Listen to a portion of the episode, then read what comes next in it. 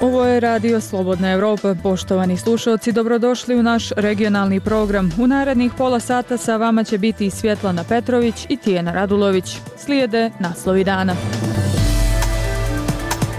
Bliske veze sa Rusijom ne spojive se evropskim putem, poručuje Evropska unija nakon sastanka Dodik-Putin. Iz ambasade SAD u Bosni i Hercegovini rekli da ni jedna vlada ne bi trebalo da sarađuje sa Rusijom. Lajčak pozvao Kosovo i Srbiju na sastanak o dinaru. Šef diplomatije Sjeverne Makedonije Bujar Osmani, kandidat za predsjednika države. Kineske firme najveći izvoznici Srbije sa 2,5 milijarde eura. U crnogorskim školama od danas ponovo redovna nastava nakon trodnevnog štrajka prosvjetara. Danska i Ukrajina postigla desetogodišnji bezbjednostni sporazum. SAD ocjenjuju da jačanje vojne veze Irane i Rusije treba da zabrine svijet. U narednih pola sata između ostalog čućete.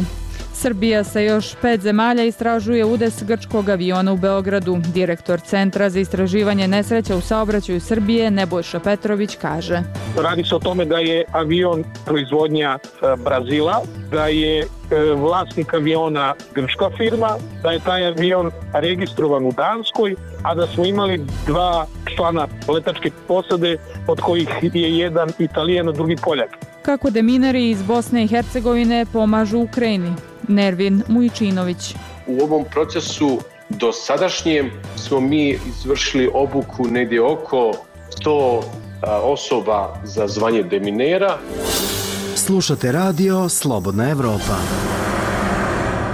Specijalni zaslanik za dijalog Miroslav Lajčak planirao je da organizuje rundu sastanaka naredne sedmice sa Srbijom i Kosovom kako bi se raspravljalo o odluci Kosovske centralne banke da ukine korišćenje dinara, kaže port parol Europske unije Peter Stano.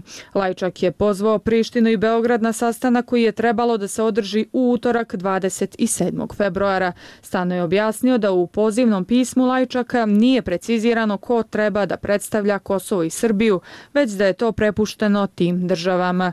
Kosovski glavni pregovarač Besnik Bisljimi rekao je u srijedu novinarima da je odbio Lajčakov poziv, obrazlažući da to nije sastanak na koji mora da ide glavni pregovarač, jer, kako je rekao, pitanje dinara nije dio dijaloga. Međutim, Stano tvrdi da je poziv iz Lajčakovog kabineta uslijedio nakon što se oko teme dinara već raspravljalo na marginama Minhenske bezbjednostne konferencije. Drugim rečima, Evropska unija pokušava da pomogne u pronalaženju rešenja za problem koji je nastao nekoordinisanom odlukom jedne strane, a koja nije unapred saopštena pogođenom stanovništvu. Nadamo se da će gospodin Bisljimi ceniti trud umjesto da neprimereno i neosnovano optužuje zvaničnike Evropske unije. Takvo ponašanje je neprihvatljivo. Kazao je port parol Evropske unije Petar Stano.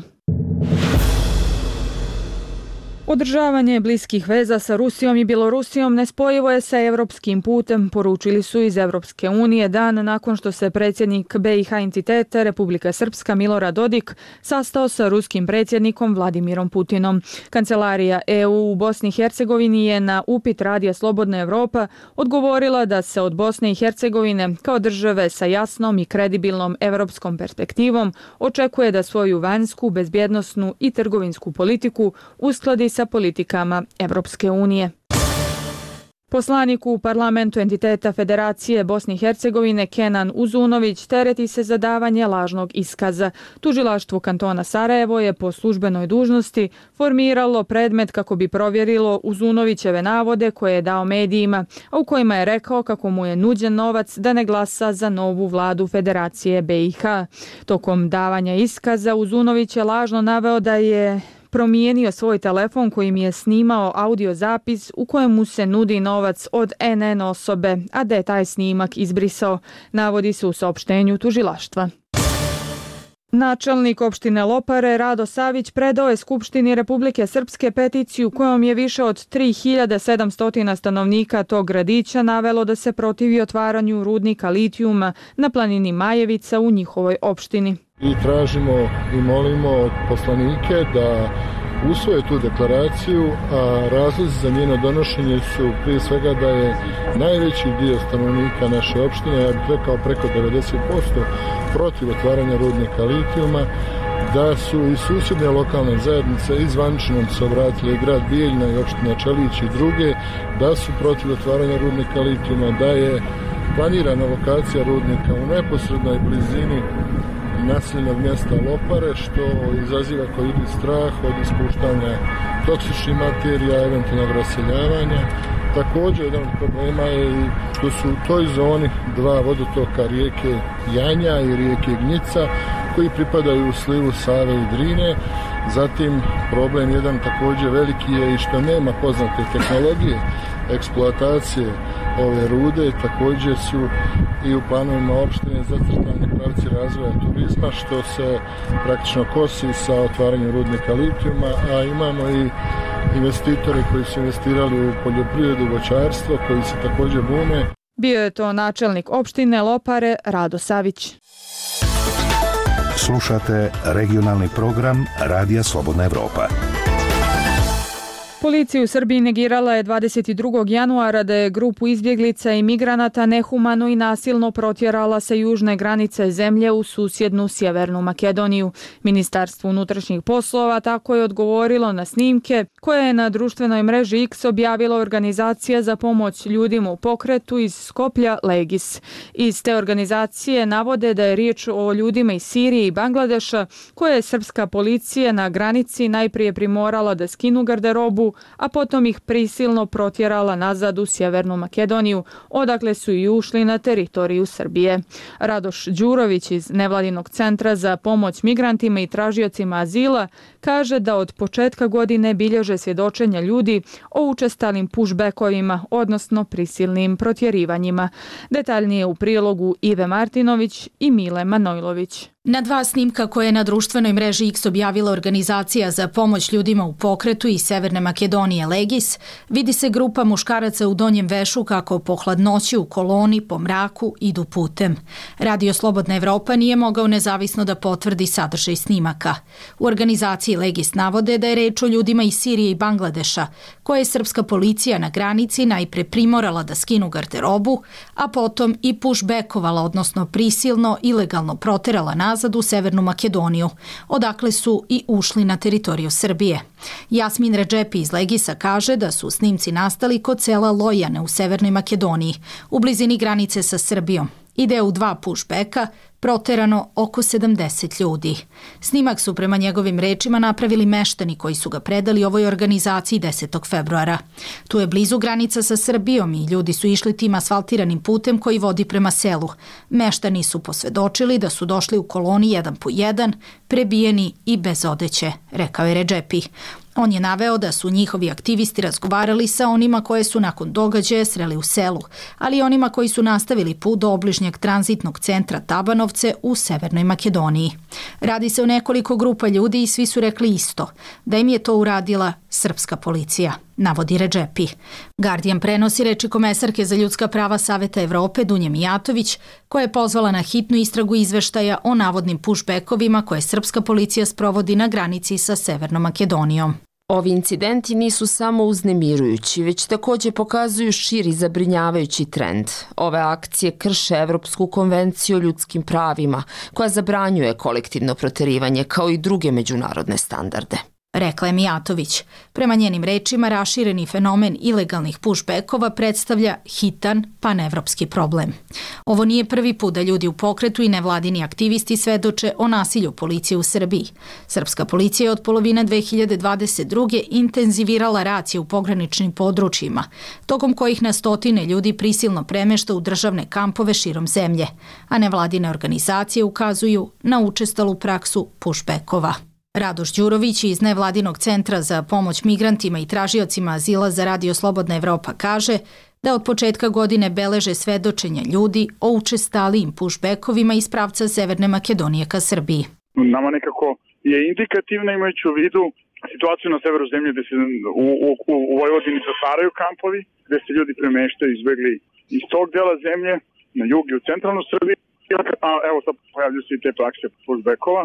Sve to očigledno ima za posledicu da se rasterece granice Europske unije, pre svega Mađarske, Hrvatske i ta migracija nekako sada pomenula tok ide prema Bosni. U akcionom planu Evropske unije za zemlje Zapadnog Balkana, koji je predstavljen u decembru 2023.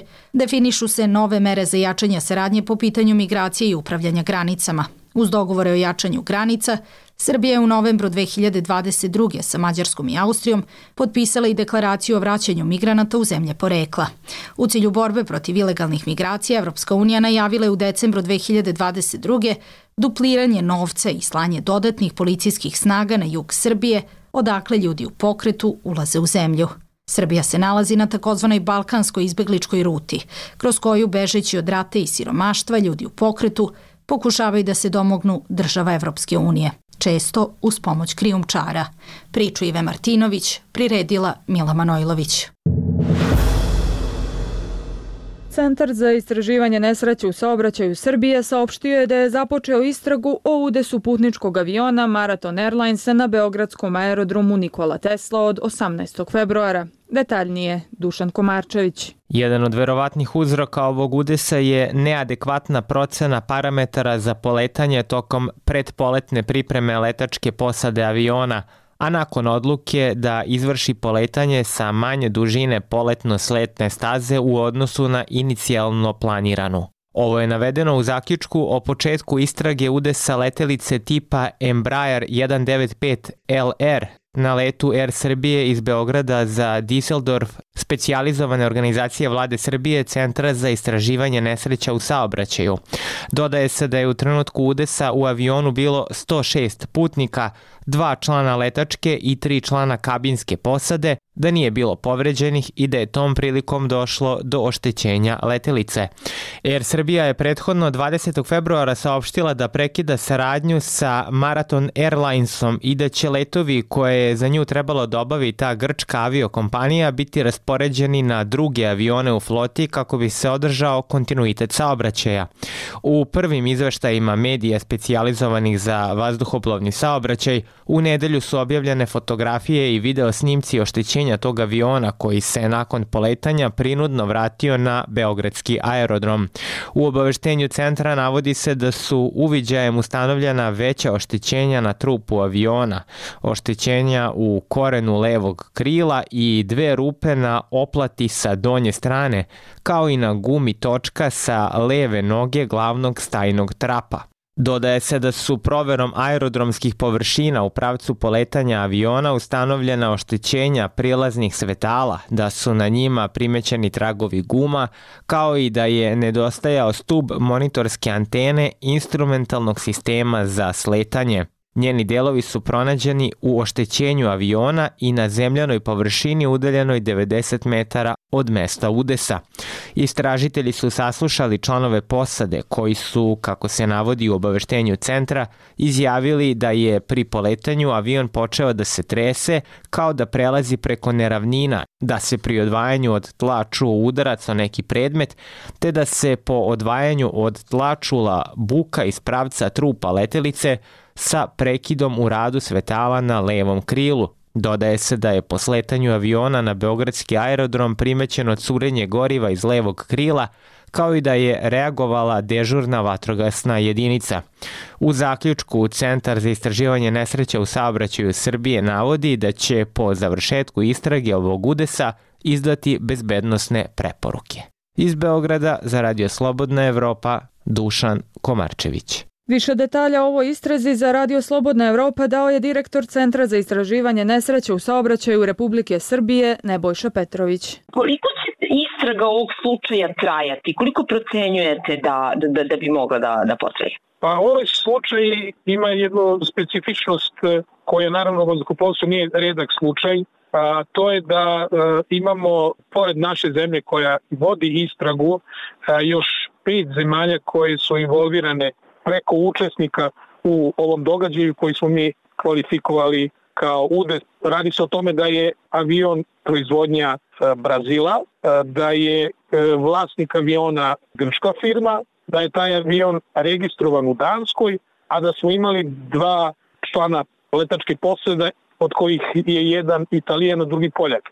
Sve te zemlje su uključene u ovu E, istragu e, bilo kroz informacije koje nam prosleđuju, bilo i direktno neke koje su zainteresovane da budu kao posmatrači na događaju i na istrazi koju mi vodimo. Tako da to je nešto što će e, malo oduriti rad na ovom slučaju, ali ne cenim iz ovoga trenutnog, ne toliko da se to neće moći završiti u narednih šest meseci da u ovom udesu nije bilo povređenih. E sad, da li je, ako sad to možete da kažete, da li je, kakva je bila potencijalna opasnost za putnike i posadu u ovom slučaju? Procenu potencijalne opasnosti zaista u ovom trenutku ne mogu da dam, jer uh, mi sa sad imamo e, uh, uvek samo u onaj, da tako kažem, ona fizička oštećenja na samom avionu, ali ispituju se sve okolnosti koje su dovele do ovog udesa, što znači e, moramo da očitamo i odgovarajuće uređaje koji imaju zapise vezano za komunikaciju između e, kontroleta i e, pilotske kabine. Svakako da se već sada može reći da je da je tu naravno bio određeni nivo ugrožavanja bezbednosti i ne kada je pitanje ne samo avion, nego i svih oni koji su se nalazili u avionu i putnika i članova posade i tako dalje, ali kažem, u ovom ne mogu da taj uh, nivo uh, procentualno izrazim. Koliko su česti uh, ovakvi udesi u vazdušnom saobraćaju, meni se čini da prošle godine bilo sve ukupno četiri takva slučaja, ako se ne varam na vašem sajtu. Mi smo jako zadovoljni što, e, s obzirom da centar postoji od e, 2015. Godine, rano postojili su i ranije e, određene, određeni, da tako kažem, sektori unutar direktorata civilnog vazduhoplovstva koji su se a, bavili istragama UDES, ali formalno centar je formiran 2015. zakonom a, o istragama u vazduhoplovničkom i, i vodnom saobraćaju i tog trenutka do danas mi smo poprilično a, povećali nivo bezbednosti, nemamo značajan broj ozbiljnih nezgoda i udesa i to je nešto što, što prema čime možemo se pohvalimo. Bio je to direktor Centra za istraživanje nesreća u saobraćaju Republike Srbije, Nebojša Petrović. Dnevno et RSE. Pregled regionalnih i svetskih događaja dana.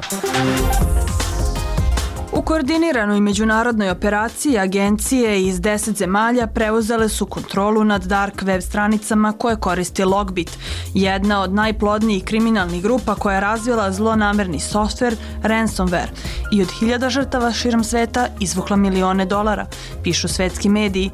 Britanska nacionalna agencija za borbu protiv kriminala, Ministarstvo pravde Sjedinjenih američkih država, FBI i Europol okupili su se 20. februara u Londonu kako bi objavili zaustavljanje bande, koja je ciljala preko 2000 žrtava širom sveta, primila više od 120 miliona dolara od kupnine i tražila stotine miliona dolara. Ransomware logbita korišćen je protiv širokog spektra ciljeva, od malih preduzeća i pojedinaca do velikih korporacija, pošte, pa čak i dečje bolnice, ističe agencija France Press. Hakovali smo hakere, rekao je novinarima direktor Britanske nacionalne agencije za borbu protiv kriminala. On je rekao da je u operaciji nazvanoj Kronos međunarodna koalicija agencija pored hapšenja zaplenila 34 logbitovih servera, zamrznula 200 naloga u kriptovalutama i zatvorila 14.000 ruž naloga koji su korišćeni na mreži za pokretanje logbitovih aktivnosti. Sjedinjene američke države su optužile dvojicu ruskih državljana za postavljanje logbit ransomware protiv kompanije i grupa širom sveta, dok je policija u Poljskoj i Ukrajini uhapsila dvojicu sumnjičenih, piše Reuters. Logbitov zlonamerni softver odgovoran je za otprilike četvrtinu svih ransomware napada u posljednje dve godine, procenjuje SecureWorks. Veruje se da se Logbitom upravlja iz Rusije, iako su njegove veze s ruskom vladom, ako ih ima neizvesne, piše Washington Post.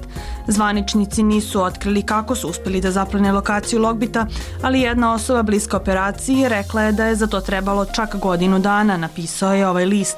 Kako su naveli, operacija Međunarodne koalicije agencija žrtvama daje nadu da neće biti prisiljene da plaćaju otkupninu kako bi povratile ukradene podatke iz svojih kompjuterskih sistema. Međutim, najnovija zaplena dark web stranice može prisiliti cyber kriminalce da postave novu kompjutersku infrastrukturu za ucenjivanje žrtava, piše CNN, i dodaje da će državni i privatni istražitelji širom sveta pomno proučavati logbitove sljedeće poteze. Pregled regionalnih i svetskih događaja dana potražite na dnevnoet.rse. Slobodna Evropa.org. Rat u Ukrajini ulazi u treću godinu. Prema procjenama Kijeva, više od 170.000 kvadratnih kilometara zemlje je kontaminirano minsko-eksplozivnim sredstvima. Iako rat nije stao, deminiranje je krenulo. Na obuci tamošnjih deminera rade i svjetski priznati stručnjaci, oni iz Bosne i Hercegovine. U minskim poljima u Ukrajini su i psi uzgojeni i obučeni na domak Sarajeva. Ovo je tema Andija Mioča. Nedaleko od Crnog mora i zone ratnih dejstava u Mikolajevu, Nervin Mujčinović, deminir iz Bosne i Hercegovine, obučava ukrajinske kolege. Dovela ga je Norveška narodna pomoć kao i još pet bosanaca i hercegovaca. U ovom procesu do sadašnjem smo mi izvršili obuku negdje oko 100 osoba za zvanje deminera i imamo, pa ja bih rekao, negdje oko 70 do 80 pripadnika NTS timova ili izviđača koji sakupljaju informacije sa terena o veličini projekta zagađenosti minsko-eksplozivnim sredstvima u Ukrajini. Na drugom kraju Ukrajine Vedran Vezilić obučava vodiče pasa za detekciju mina. Državna služba za vanredne situacije Ukrajine DSNS već godinu i po sarađuje s Norveškom narodnom pomoći. Psi koje su poslali u Ukrajinu u aprilu prošle godine uzgojeni su i obučeni u Bosni i Hercegovini. Trening je trajao tri mjeseca od maja do početka avgusta. Nakon treninga smo radili intenzivan trening na mine koje smo prethodno ukopali u poljima ovdje u DSNS-u. U oktobru mjesecu smo postali operativni i radili smo sve dok e, su vremenski uslovi to dozvoljavali. To je nekako početak decembra. Za tako kratkak period uspjeli su sa tri psa pretražiti 9100 kvadratnih metara površine i pronaći 40 minsko-eksplozivnih sestava. Obučeni vodič psa za detekciju mina Andrij Balašov kaže Kursi NPA bili na poligonu DSNS. NPA kursevi su održani na poligonu DSNS-a i trajali su tri mjeseca. Nakon toga smo imali intenzivnu obuku dva mjeseca, a nakon toga smo već otišli na prava polja. Rezultati rada su prije svega impresivni. Išli smo u oblast Harkiva, u grad Balakliju i grad Barevinikov. Radili smo više od mjesec dana, radili smo na pravim poljima gdje su otkriveni opasni i eksplozivni predmeti. Taj pas je pronašao dva eksplozivna predmeta, bilo je impresivno. Iskustva i vještine stručnjaka iz BiH su cijenjeni u svijetu deminiranja, a NPA je jedna od prvih organizacija koja je došla u misiju deminiranja Ukrajine govori šef pirotehničkog odjela DSNS-a Oleg Boško. Nam uh, trapalась taka možljivost. Imali smo priliku posjetiti Bosanski kinološki centar, koji već dugo pratimo. Jako smo željeli raditi s njima. Vidjeli smo ih i preko društvenih mreža gdje rade u Kambođi, Afganistanu, Siriji, i stvarno smo to željeli jer je ovaj pravac za nas novi i stvarno, stvarno nam trebaju ovi psi za Ukrajinu upravo sada. Posjetili smo ih, odlučili su nam pomoći, htjeli su pomoći Ukrajini. Obuka psa u globalnom trening centru NPA na domak Sarajeva traje u prosjeku 18 mjeseci. Nakon obuke NPA certificira psa, ali akreditaciju za rad u Minskom polju izdaju organi zemlje u koju se pas prosljeđuje. Prije same akreditacije koja se obnavlja svakih 12 mjeseci, potreban je proces spajanja psa sa novim vodičem. Namik Džanko, senior trener u NPA Global Training Centru, objašnjava.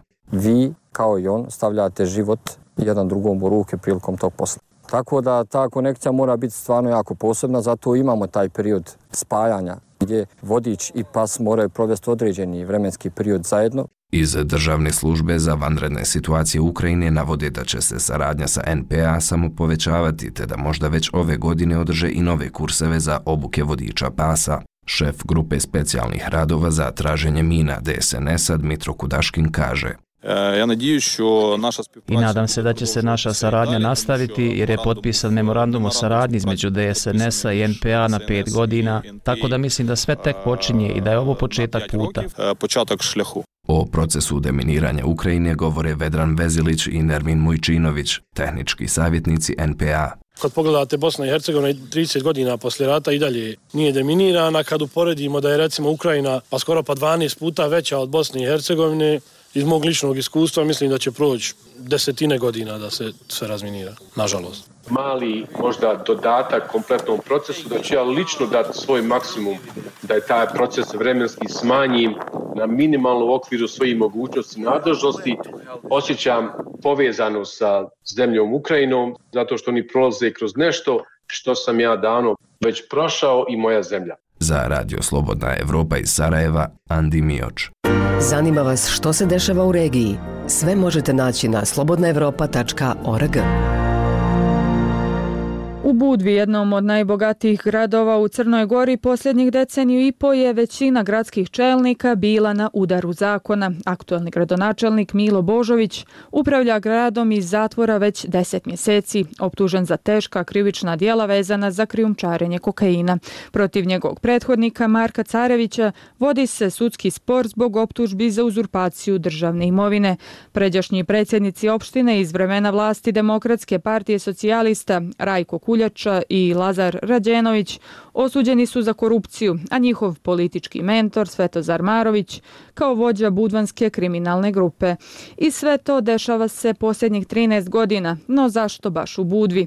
O tome je Jasna Vukićević razgovarala sa Srđanom Perićem iz pokreta Preokret. Budva je opština koja raspolaže veoma vrijednim resursima, što očito predstavlja izazov za one koji njom upravljaju.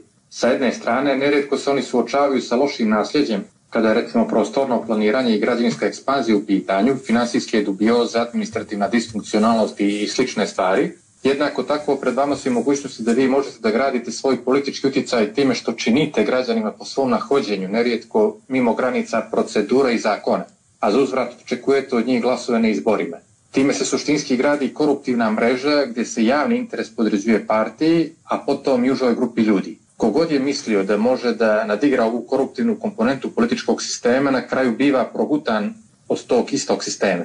Rekli ste da je Budva opština koja raspolaže vrijednim resursima, međutim postoje i druge slične opštine pa nema toliko procesuiranih slučajeva korupcije. Zašto se baš to u Budvi dešava? Postoji iz prethodnog perioda nasljeđe da su politički moćni ljudi iz prethodnog perioda imali ogromnu moć, a da su živjeli u Budvi. Konkretno, uh, raniji predsjednik Skupštine Crne Gore je bio budvarin i imao, što je sudski dokazano, presudom pravosnažnom, imao svoju organizovanu kriminalnu grupu. Kada stvorite jedan put tu naviku i koncentraciju moći u jednom mjestu, onda to bude za mamno moguće i za druge ljude da misle da mogu da nadigraju sistem, tako da kažem ne kažem da se to uvijek dešava, ali iskušenje jeste pred a, ljudima koji već imaju prethodno razrađene koruptivne prakse da lakše uplivaju u njih. Rekli ste da kogod e, misli da može da nadigra koruptivnu komponentu političkog sistema, na kraju biva progutan od tog istog sistema, gdje onda izlazi iz tog začaranog kruga. Izlazi u poštovanju zakona i procedura. Izlazi u tome da otvorimo politički sistem, da recimo putem otvaranja lista na izborima građani tačno znaju kome daju odgovornost i da kasnije te ljude mogu u direktnom kontaktu podsjetiti da su njima poklonili povjerenje. Kada sa jedne strane depersonalizujete izbor koji imate na izbornom danu i kada neka partija kao neko depersonalizovano pravno tijelo maltene upravlja vašim sudbinama, a vi ne možete nikome konkretnom da adresirate tu odgovornost, tada se otvara ogroman prostor za samovolju onih ljudi koji zapravo kontrolišu partije, a vi suštinski njih ne možete da kaznite na izborima time jer imate zaključane liste. To je jedan od instrumenta, a drugi instrumenta jeste da nagrođujemo suprotnu praksu. Da kada vidimo da se neko drži zakona, da ima ideju, da ima znanje, da ima invenciju, da ga podržimo, Tako da sa te strane u prvom slučaju imamo odgovornost pojedinca, kako se ponaša, a sa druge strane i odgovor nas kao građana, kao kolektiviteta, ako hoćete, kome poklanjamo taj izbor. Bio je to Srđan Perić iz pokreta Preokret, sa kojim je razgovarala Jasna Vukićević.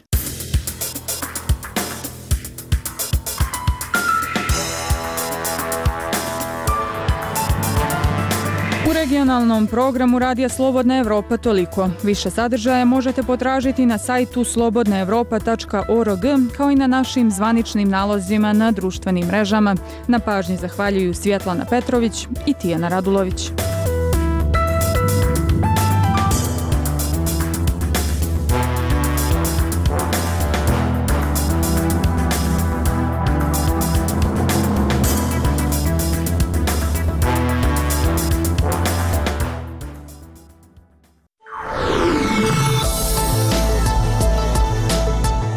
Radio Magazin.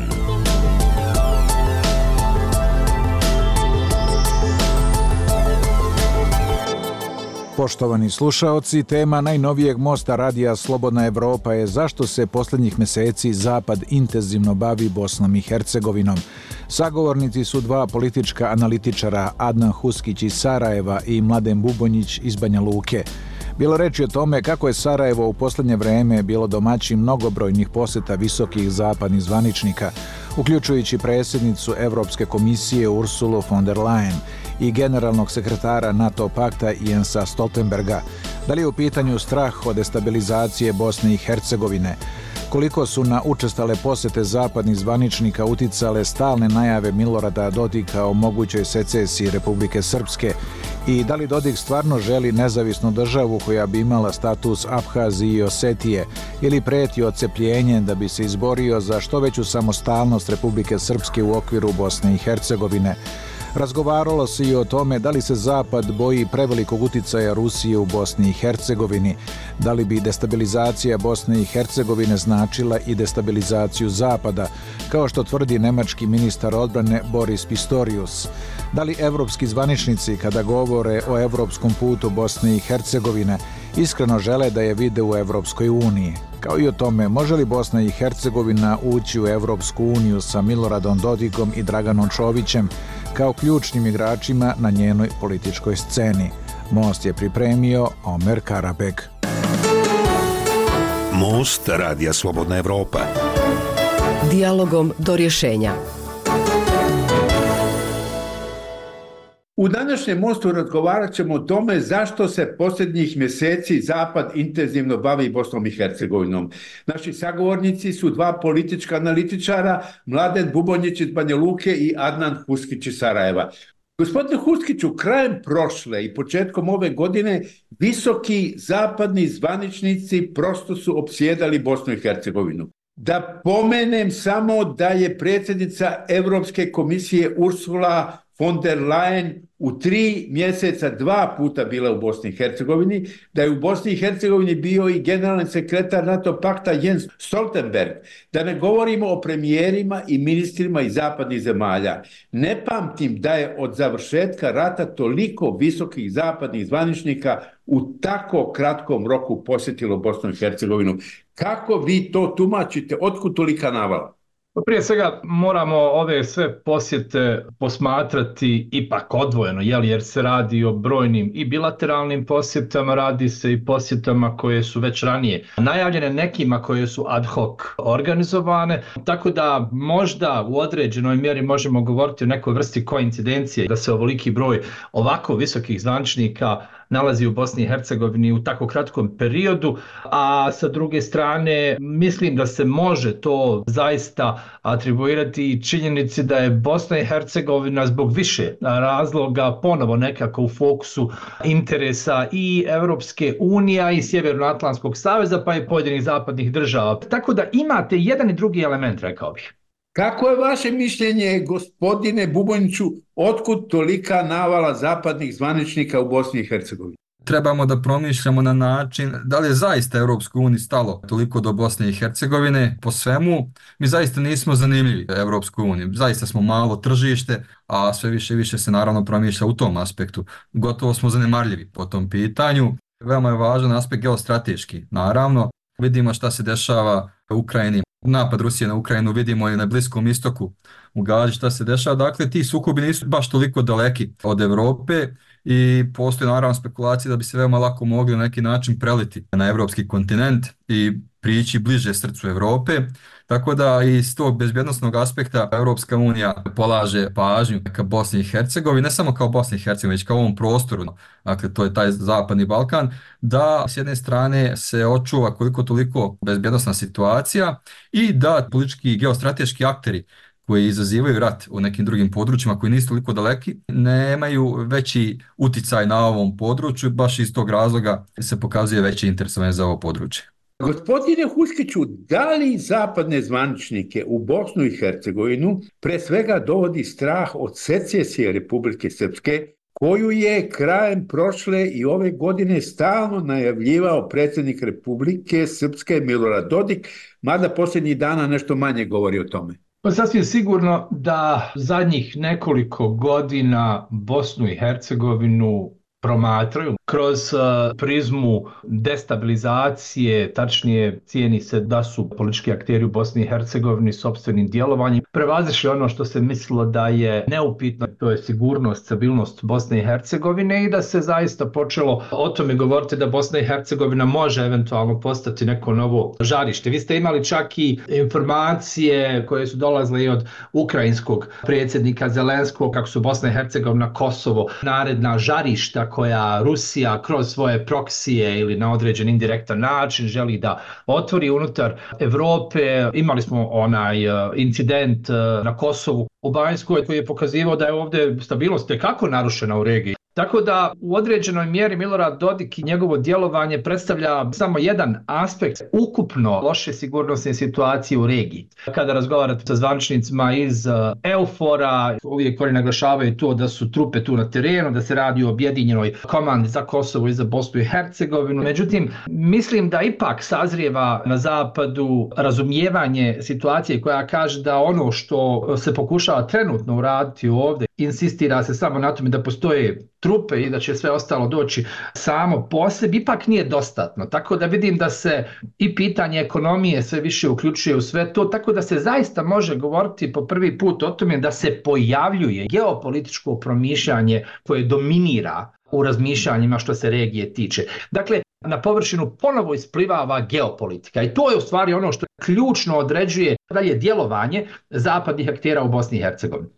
Gospodine Buboniću, mislite li vi da visoke zapadne zvaničnike pre svega u Bosnu dovodi strah od secesije Republike Srpske, što bi moglo teško destabilizovati Bosnu i Hercegovinu i dovesti do njene propasti? Naravno, postoji i ideja, postoje čak i izvjesne radnje na tom polju, ali teško da se može secesija u punom kapacitetu sprovesti. Jednostavno nema kapaciteta za to. Republika Srpska ni po čemu nije sposoban u ovom trenutku da sprovede jedan takav čin, ni logistički, ni vojno, ni finansijski. Mislim da su ne samo u Europsku uniju, već uopšte na zapadu svjesni toga. Dakle, to je faktički i suštinski, a s druge strane na narativnom polju i tekako opterećuje odnose ne samo Bosne i Hercegovine, nego uopšte i u regiji i šire konstantne prijetnje i uslovljavanja, naravno tu imamo i političke trgovine i cjenkanja i sve ostalo, kad je riječ o položaju Republike Srpske u okviru Bosne i Hercegovine, ta teza se sve više više zagovara da Dodik u suštini ne ide ka de jure nezavisnosti, nego ka de facto nezavisnosti, što se u izvjesnom smislu može i sada prepoznati. De jure aspekt, bar po meni, je teško izvodiv. Republika Srpska teško može da dobije de jure nezavisnost. Zaista to bi bilo veliki paradoks prije svega. Ko bi potvrdio tu nezavisnost, koje bi zemlje to priznale, da li bi imali neko novo pridnjestrovlje ovdje ili Abhaziju ili neku drugu nepriznatu državnu tvorevinu.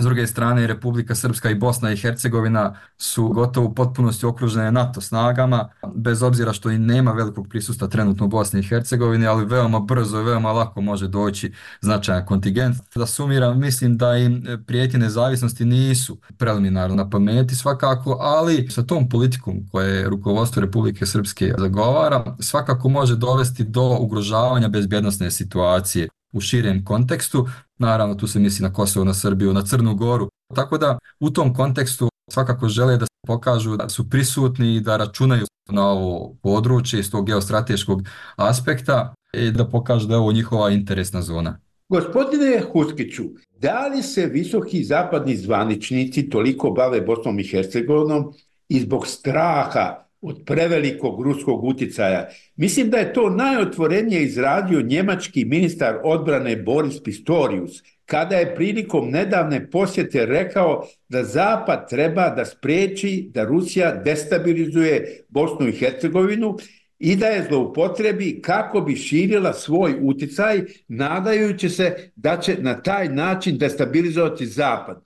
Znači, destabilizacija Bosne i Hercegovine se povezuje sa destabilizacijom Zapada. Da krenemo od zadnje tvrdnje i ovoga što ste ispravno zaključili. Mislim da je to jedna od stvari na koje smo mi odavde iz regije konstantno podsjećali da govoriti o tome da nova sigurnosna arhitektura u Evropi može da postoji, da u svemu tome može biti izoliran zapadni Balkan, a ne integralni dio toga, je nonsens. Međutim, dugo vremena je trebalo, moram reći, da se ova stvar eh, shvati na zapadu. Što se tiče teza vezano za ruski uticaj. Ja zastupam tezu da je ruski uticaj u velikoj mjeri nakon početka rata u Ukrajini izgubio na snazi u regiji. Mislim da je posebno država koja je imala, rekao bih, mnogo čvršće kanale prema Rusiji i pritom misli na Srbiju, u velikoj mjeri dovedena u situaciju u kojoj je taj manevarski prostor gotovo u potpunosti sklonjen ili smanjen. Tako da možete govoriti u stvari o jednom smanjenom uticaju na Srbiju. Druga stvar jeste ono što se dešava u Republike Srpskoj od 2006. godine s onim poklanjanjem naftne industrije Republike Srpske Rusiji. Kad onda pogledate kako je sve dalje išlo i sa tom Optima grupom, izvlačenjem novca iz Republike Srpske, ali sa druge strane postojao je faktor posebno od strane Milorada Dodika i koalicije oko njega i sada trenutno on je možda jedina osoba koja otvoreno u regiji zastupa prorusku poziciju. Dakle, vrlo otvoreno zastupa prorusku poziciju. Poštovani slušalci, pratite Most Radija Slobodna Evropa, u kome se razgovara o tome zašto se posljednjih mjeseci Zapad intenzivno bavi Bosnom i Hercegovinom. Sagovornici su dva politička analitičara, Mladen Bubonjić iz Banja Luke i Adan Huskić iz Sarajeva. Voditelj je Omer Karabeg. Gospodine Bubonjiću, mislite li vi da se Zapad boji prevelikog utjecaja Rusije u Bosni i Hercegovini? U izvjesnoj mjeri da, svakako samo ne možemo posmatrati u tom kontekstu kad je riječ o uticaju Rusije ili ruskoj sfernoj zoni, ne možemo posmatrati Bosnu i Hercegovinu izolovano. Ovo je dio jedne globalne geopolitičke igre moći, interesa, uticaja. Vidimo šta je recimo na primjer u Africi, koliko su Rusi pored Kineza naravno, pustili svoje pipke uslovno rečeno. Tako da i to moramo posmatrati u tom kontekstu. Dakle, nije Bosna i Hercegovina kada riječ o tome jedino polje, da li implicitnog, da li eksplicitnog sukoba na tom geopolitičkom globalnom planu. Tako da svakako postoji strah, ali se mora principirati u tom kontekstu globalno, gdje Rusija posljednjih godina možda ne toliko finansijski koliko vojno u smislu izazivanja izvjesnih turbulencija i nemira postaje sve reprezentativni igrač na globalnom polju. Za razliku od zapada koji su u decenijama, posebno nakon pada železne zavese, pokušavali da financijama, ekonomijom ostvare uticaj širom svijeta, Rusi nisu u tom kontekstu dovoljno snažni, ali daleko od toga da nemaju mogućnost da izazivaju nemire kao što se recimo dešavalo u Africi. E, sad da se ne bi to desilo i ovdje, se između ostalo pokazuje sve veće i veće interesovanje. Gospodine Bubonjiću, a kako Rusija širi svoj uticaj u Bosni i Hercegovini? Ruski zvaničnici ne dolaze u Bosnu i Hercegovinu, u stvari i ne mogu. Najviše simpatija e, prema Rusiji, da li prema državi, da li prema ruskom narodu, prema ruskoj kulturi, prije svega prema tom uslovno duhovnom aspektu, kulturnom aspektu pokazuju Srbi, srpski narod ovdje, dakle ne samo u Bosni i Hercegovini, nego u Srbiji, Crnoj Gori, gdje god se nalaze i to je simptomatično da osim te kulturne i duhovne povezanosti nema nekog značajnijeg uticaja. Evo pogledajmo na primjer procenat ulaganja Rusije u Bosnu i Hercegovinu. Ne znam da se nalaze među prvi deset zemalja koji su investitori u Bosnu i Hercegovinu. Pa po tom aspektu zaista nisu reprezentativni nemaju veliku ulogu i veliki značaj, ali s tog kulturoškog aspekta ostvarujete kakav značaj, zato što se pozivaju na kulturnu, duhovnu, istorijsku povezanost, vjersku povezanost i na taj način ostvaruju svoj interes i to nekad zaista može biti i jače i sa većim posljedicama nego finansijski. Gospodine Kuskiću, evo da i vas upitam, kako Rusija širi svoj utjecaj u Bosni i Hercegovini? Ja ću samo dodati još jedan aspekt koji je bitan za razumijevanje te sklonosti, hajde da tako nazovem, ljudi odavde, ovdje se posebno govori o Srbima u Bosni i Hercegovini i Srbiji kao državi koja zaista imala dosta snažne veze sa Rusijom, naravno Crna Gora. Vi kad pogledate istraživanja koja su rađene iz godine u godinu se rade i kada pitate ljude u Bosni i Hercegovini ko su najvažniji vanjsko-politički partneri Bosne i Hercegovine, vi ćete vidjeti da je među Srbima to u stvari Rusija. Baš kao što dosta visoko mjesto u svemu vezano za Bosnu i Hercegovinu iz bošnjačke vizure zauzima Turska. I ono što je interesantno u svim tim istraživanjima predimenzionira se, strašno se predimenzionira uticaj ne zapadnih država na dešavanje u Bosni i Hercegovini. I ono što sva ta istraživanja jasno pokazuju jeste da kad gledate one mjerljive dijelove, dakle kad pogledate ko su glavni investitori u Bosni i Hercegovini, kada gledate bilo šta što ima veze sa normalnim životom, pa evo da kažem i ona stvar kad vi odlučujete gdje ću ja, ako mi je loše u Bosni i Hercegovini, gdje ću to ja da odselim, tu je nesporno Evropa, Evropska unija, Zapad još uvijek izlazna tačka i to se percipira kao bitno. Međutim, postoji podesno tlo, to je ono što hoću da vam kažem, postoji vrlo podesno tlo za prihvatanje ideje o tome da postoje ti alternativni akteri i alternative Evropskoj uniji i alternative Zapadu sve ukupno i alternative Sjevernoatlantskom savezu i to je taj narativ unutar kojeg se onda može govoriti o utjecaju ovih država. Gospodine Bubonjiću, zapadni zvaničnici stalno govore da Bosna i Hercegovina mora snažnije da krene ka Evropskoj uniji. Mislite li da oni iskreno žele Bosnu i Hercegovinu u Evropskoj uniji? Ovako kakva jeste, definitivno ne. Kome treba jedna država koja sama sa sobom ne može, šta bi se tek desilo da ovakva nesređena kakva jeste sa svim svojim manama, neslogom, obstrukcijama i svim ostalim uđu u Europsku uniju. Ima je on dosta svojih problema kad je reč o, ajmo reći, neželjenim gostima ili neželjenim članicama, prije svega tu mislim na Mađarsku i na Viktora Orbana, ne treba im takva situacija. Međutim, moguće je promjena i Poljaci su velike probleme pravili u Europskoj uniji i to se veoma lako promijeni ako doći do promjene političke i ideološke pozicije u jednoj zemlji i od političkog partnera koji najviše obstruiše postane politički partner koji pruža najveću podršku. Ali u Bosni i Hercegovini su političko-ideološke podjele samo jedan dio globalne podjele u ovoj zemlji, naravno koji je i identitetski, etnički, religijski, čak i kad je riječ o sistemu vrijednosti, percepciji, o svetonazoru, toliko su duboke podjele i ovako kakva jeste, e, Bosna i Hercegovina nije potrebna Evropsku uniju. Bosna i Hercegovina je Evropa, ali iz političkog aspekta definitivno sada nismo Evropa i teško je prepostaviti u kom periodu na koji način bi se to moglo promijeniti. Gospodine Huskiću, mislite li vi da zvaničnici Evropske unije iskreno žele Bosnu i Hercegovinu da vide u Uniji? Ja bih rekao da već sigurno nekih 5-6 godina više ne postoji jasan konsenzus unutar Evropske unije vezano za proširenje uopšte.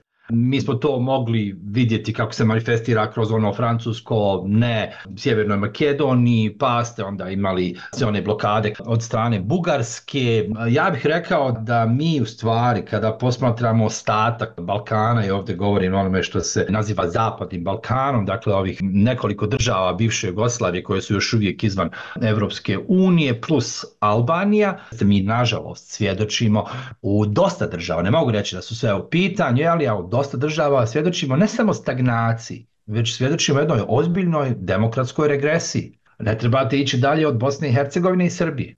Te dvije države, posebno Srbija, pokazuju vrlo ozbiljne elemente autoritarizma. Vi imate u Bosni i Hercegovini situaciju gdje se može jasno govoriti o demokratskoj regresiji.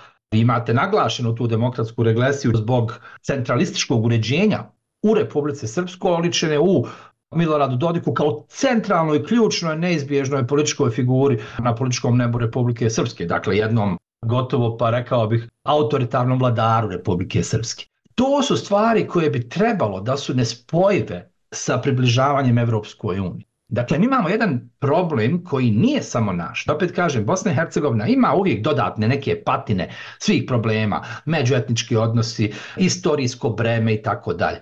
Međutim, sa druge strane, vi kad pogledate druge države u regiji, čak i one koje bi trebalo da budu među predvodnicima ovog našeg stada prema Evropskoj uniji, tu se vide jasni problemi vezano za mnogobrojne elemente koji su ključni za funkcionisanje unutar Evropske unije. I Evropska unija želi naprosto da ne uvozi probleme. Jedan od tih problema trenutno jeste i pitanje neriješenih granica u regiji. Zato se insistira na kosovsko-srbijanskom dijalogu, ne bilo se došlo do nekog pravno obavezujućeg sporazuma, jer Evropska unija ne želi da uvozi probleme. Ali sa druge strane, čini mi se da na političkoj razini ne postoji konsenzus unutar Evropske unije o daljem proširenju. Dakle, ja ovo ponavljam zaista odgovorno, Unutar Evropske unije ne postoji konsenzus o daljem proširenju. Mi imamo želje ljudi unutar komisije, gospođe von der Leyen, brojnih zainteresiranih država koje guraju tu stvar naprijed. Međutim, kada se zaista stvari ogole, kada se razgovara vrlo direktno, vi vidite da sva uslovljavanja, blokiranja i tako dalje mnogo više veze imaju sa nekim drugim stvarima nego što imaju sa stvarnom suštinom, sa meritumom onoga što je problem u Bosni i Hercegovini. Iako pogledate napredovanje Ukrajine i Moldavije, to moram zaista reći, ja znam da ovo možda zvuči ružno sada sa moje strane, ali ja moram to tako poredati jer čini mi se da je tako najzdravije da kažem. Dakle, dvije države od kojih se jedna nalazi u jednom brutalnom ratu i mislim da se ne može govoriti o tome da postoji bilo šta. Rat je sam po sebi suspenzija prava. Tako da imate jednu državu koja vodi rat i koja ne kontroliše značajan dio svoje teritorije, a pregovara sa Evropskom unijom. Imate Moldaviju koja pregovara sa Evropskom unijom, a ne kontroliše značajan dio svoje teritorije. Ja mislim da je nažalost ovo razbacivanje stvarima poput kandidatskog statusa, razbacivanje stvarima poput datuma za otpočinjanje pregovora. Ja mislim da je naprosto postalo vanjsko-politički alat Evropske unije kojim Evropska unija kompenzira nepostojanju suštinskih vanjsko-političkih alata da djeluje na situaciju u regiji. I tu je, ja mislim, sva tragedija ove naše situacije i situacije u kojoj se cijelokupna regija nalazi. Poštovani slušalci, pratite Most Radija Slobodna Evropa u kome se razgovara o tome zašto se posljednjih mjeseci Zapad intenzivno bavi Bosnom i Hercegovinom. Sagovornici su dva politička analitičara, Mladen Bubonjić iz Banja Luke i Adnan Huskić iz Sarajeva. Voditelj je Omer Karabeg. Gospodine Bubonjiću, Bosna i Hercegovina je dobila status kandidata možda će dobiti i datum otvaranja pregovora sa Evropskom unijom, a da li Zapad vidi Bosnu i Hercegovinu u Evropskoj uniji zajedno sa Dodikom i Čovićem? Izetbegović je otišao, ali njih dvojica su ostala. Može li Bosna i Hercegovina funkcionisati kao država Evropske unije sa njima dvojicom kao ključnim igračima? Sa Dodikom i Čovićem, kako se sada ponašaju, definitivno ne. Ali treba uzeti u obzir da i Dodik i Čović, Dodik pogotovo, da su real političari i da su pragmatični. Ako bi Dodik dobio nešto što on traži, ako bi mu se ponudilo nešto, uslovno rečeno ponuda koju ne bi mogao da odbije, a da to nije neko uslovljavanje ili nešto slično, može se desiti, naravno hipotetički, iz ove perspektive teško, ali zašto da ne, politika je otvoren proces, moglo bi se desiti da promijeni svoj politički pravac i od političara koji najviše obstruiše odnose, ne samo političke, već uopšte društvene u ovoj zemlji, postaje možda neko koji je sagovornik, koji je partner i koji bi mogao da ponudi kao što je nekad bio dašak svježeg vazduha na Balkanu, možda bi to opet mogao da bude. Naravno, iz ove perspektive je veoma teško, ali politika je veoma fleksibilna i fluidna i mogu se dešavati mnogobrojne promjene. E sad sve zavisi od toga šta bi mogli da mu ponude, kao i Čoviću.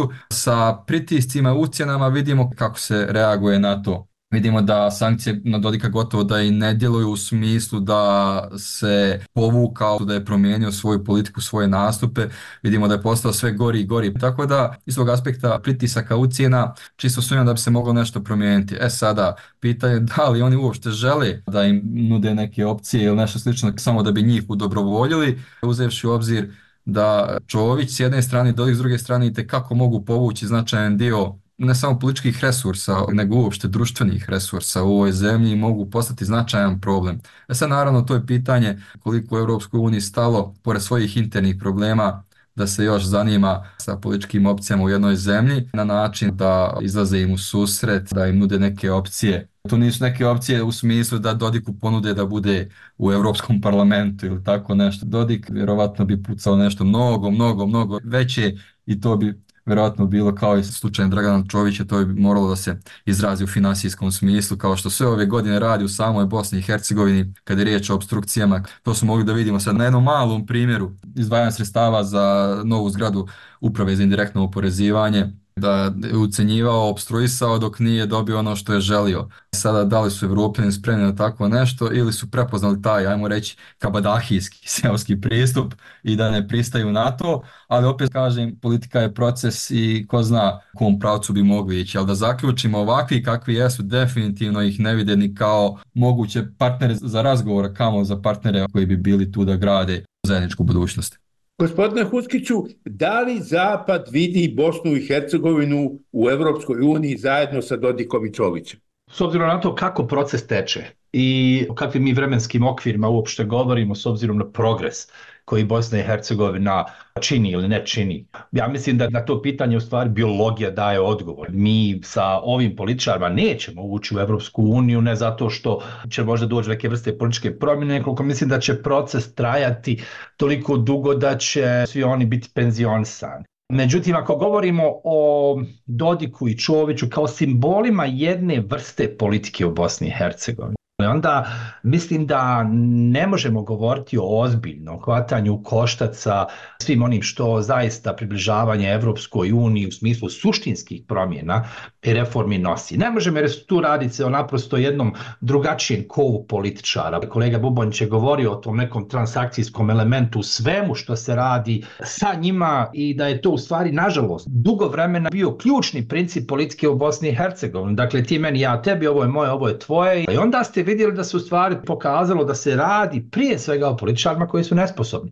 Pazite, nesposobni da vode državu na način da se to čini u interesu građana.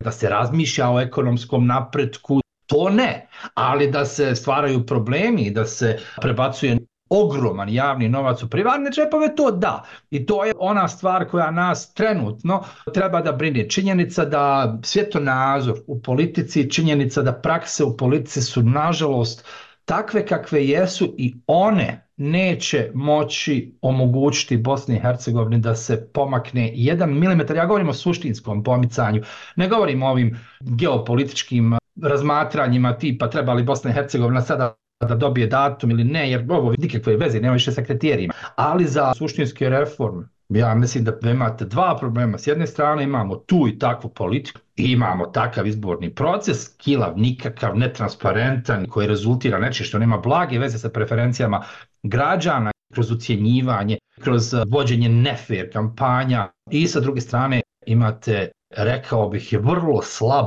pul od strane Evropske unije upravo zbog nedostatka jasne želje da se regija Zapadnog Balkana integriše u Evropsku uniju. To su dva procesa koja nas dovode u ovu situaciju nemanja energije, indolentnosti, neželje kod građana. Vidite da ne postoji nikakav interes za Evropsku uniju. Neće niko dobiti izbore na tome što će reći mi ćemo napraviti ove stvari, pa će Bosna i Hercegovina napraviti par koraka naprijed na ovom dugotrajnom putu prema Evropskoj uniji. Naprosto to nije tema. Vi imate ljude koji su razočarani, ljude koji uglavnom napuštaju državu, posebno mladi ljudi. Teško je, užasno je teško argument argumentovati prema njima i reći im ne, treba ostati jer za Boga nakon 10, 15, možda 20 godina Bosna i Hercegovina možda postane i punopravna članica. To kad govorite nekome koji ima 18 godina, to je unaprijed izgubljena bitka.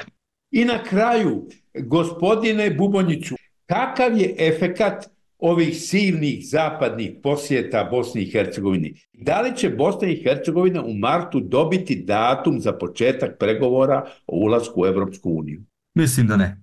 Kako je vaše mišljenje, gospodine Huskiću? Iako bih volio da hoće, mislim da neće. Evo, ja bih završio ovaj razgovor. Hvala, gospodine Huskiću. Hvala vama. Hvala, gospodine Buboniću. Hvala vama.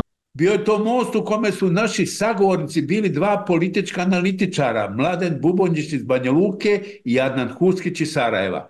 Posrednik u razgovoru bio je Omer Karabeg. Most Radija Slobodna Evropa. Dialogom do rješenja.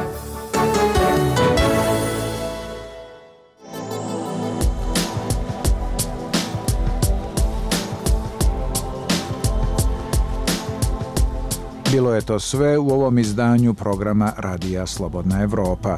Ostanite i dalje uz nas, pratite nas na našem sajtu kao i na društvenim mrežama. Želimo vam ugodan ostatak dana.